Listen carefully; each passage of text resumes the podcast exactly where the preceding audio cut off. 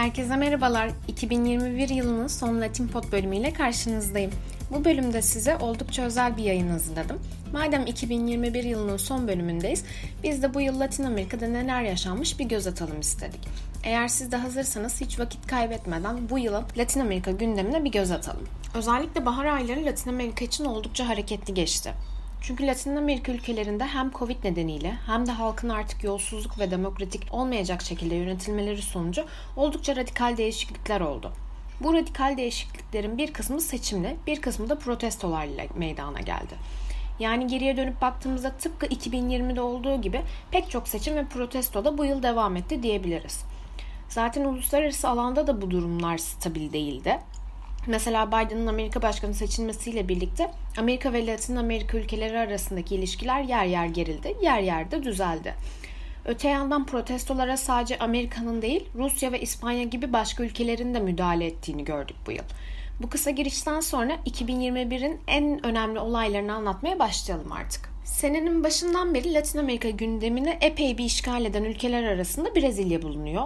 Biliyorsunuz Bolsonaro Covid ile mücadelede sınıfta kaldı her gün rekor üstüne rekor kıran ölüm sayılarıyla Şubat ayının başından beri kendisine karşı protestolar başladı. Bu protestolara ek olarak Bolsonaro'nun kendisi de görevini kötüye kullanmaktan, yolsuzluktan, ne bileyim işte halkı yanlış bilgilendirmekten daha birçok iddiadan suçlu bulundu. Tüm bu suçlamalara baktığımız zaman asılsız olmadığını da görüyoruz.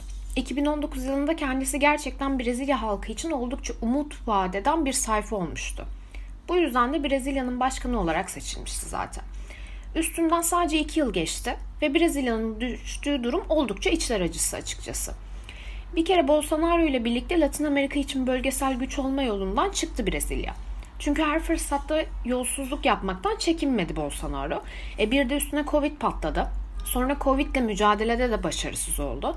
E, dolayısıyla sağlık sistemi de çöktü. Halk da bütün bunların sonucunda ayaklandı. Şu anda bile hala azledilme ihtimali bulunuyor. Önümüzdeki yıl yapılacak olan başkanlık seçimlerinde de çok büyük ihtimalle seçimleri kaybedecek gibi gözüküyor. Şimdi de kendisi seçimleri kaybetme ihtimalinin bulunduğunu bilerek işte seçimleri ben kazanamazsam yolsuzluk vardır, oylar çalınmıştır diye söylemlerde bulunuyor ki halkı manipüle etmeye çalışıyor.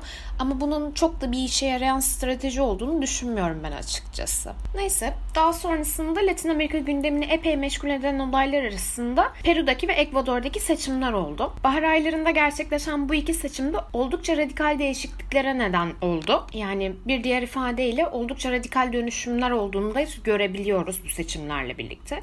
Brezilya'da olduğu gibi seçimlerden önce Ekvador'da ve Peru'da da hükümet Covid ile mücadelede yetersiz kaldı. Ayrıca Latin Amerika'nın genel sorunlarından bir tanesi olan yolsuzluk bu ülke, ülkede de kendini gösterdi. Tüm bu faktörler üst üste geldiği zaman doğal olarak Ekvador ve Peru halkı hükümeti seçim sandığında cezalandırmayı seçti. Az önce dediğim gibi bu seçim sonuçları oldukça radikal değişikliklere neden oldu. Ekvador'da sol hükümet yerine sağ hükümet geçti. Peru'da da tam tersi bir durum oldu. Yani sol hükümet iktidara geldi. Tabi Peru'da seçim o kadar kolay sonuçlanmadı. Daha önceki bölümlerde de söylediğimiz gibi Fujimori'nin kızı Castillo'nun seçimlerini kazanmasını kabul etmedi. Bu yüzden seçim sonuçlarının kesinleşmesi yaz aylarını buldu. Nihayetinde Castillo göreve geldi tabii ki. Ekvador'da da Lasso göreve geldi.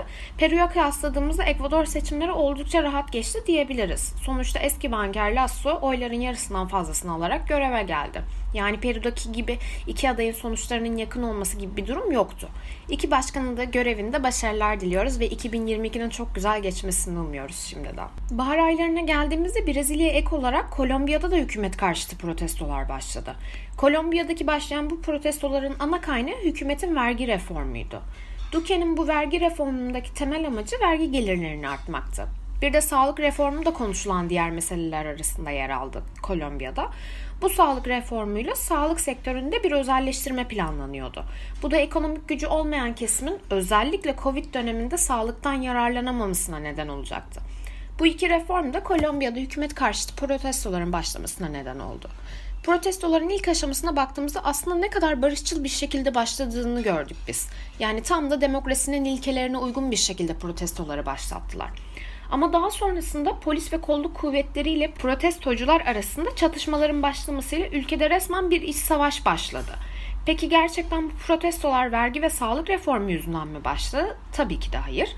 Bu reformlar sadece bardağı taşıran son damla oldu. Yani protestocularla yapılan röportajlara baktığımızda Duque hükümetinin ne kadar ezici, savaşa teşvik eden, işte ne bileyim demokrasi yanlısı olmayan politikalar izlediği belirtiliyor. Yani bu protestoların ana kaygısı aslında demokrasi, adalet, özgürlük ve insan hakları söylemleriydi. Çatışmaların şiddetlenmesiyle bir ara Duque hükümeti tepkisini yumuşattı. Yani vergi reformlarını geri çekmeye çalıştı ve protestolar kısa bir süreliğine durmuştu yaz aylarına doğru. Fakat hala bugün bile protestoların tam anlamıyla durduğunu söylemek imkansız. Çünkü biliyorsunuz Latin Amerika'da dinamikler çok çabuk değişiyor ve Kolombiya'da bu dinamiklerin çok çabuk değiştiği ülkelerden bir tanesi. Özellikle insan haklarına duyulmayan saygının da artmasıyla beraber artık aktivistler iyice Duque hükümetine sinirlenmiş durumda. Tabi sadece bu yıl Kolombiya ve Brezilya'da protestolar başlamadı. Bu protestolar Küba'ya da sıçradı. Küba'da da Diaz hükümetine karşı protestolar başladı yaz aylarında. Fakat bu protestoların Brezilya ve Kolombiya'dan farklı bir tarafı var. Şöyle ki her ne kadar protestocuların söylemleri yine demokrasi, insan hakları ya da ne bileyim adalet olsa da Küba protestolarında Diaz kendi destekçilerini de sokağa döktü. Bir de Küba protestolarına Amerika başta olmak üzere kimi zaman Diaz hükümetini suçlayan, kimi zaman da Diaz hükümetini destekleyen ülkeler de dahil oldu. Yani demek istediğim Brezilya ve Kolombiya protestolarının aksine Küba protestoları biraz uluslararası arenaya taşındı. Küba protestoları bu arada devam ediyor. Hükümetin sert tepkisine rağmen protestocular istediklerinden vazgeçmedi. Yani demokrasi söylemlerinden vazgeçmedi. Ve protestocularla yapılan röportajlara baktığımızda bunun artık eylemden ziyade ya da ne bileyim gösteriden ziyade devrim niteliği taşıdığı belirtiliyor. Yani anlaşılan o ki Küba'daki protestolar hemen bitecek gibi değil. Önümüzdeki sene de bu protestoların konuşacağımıza eminim ben.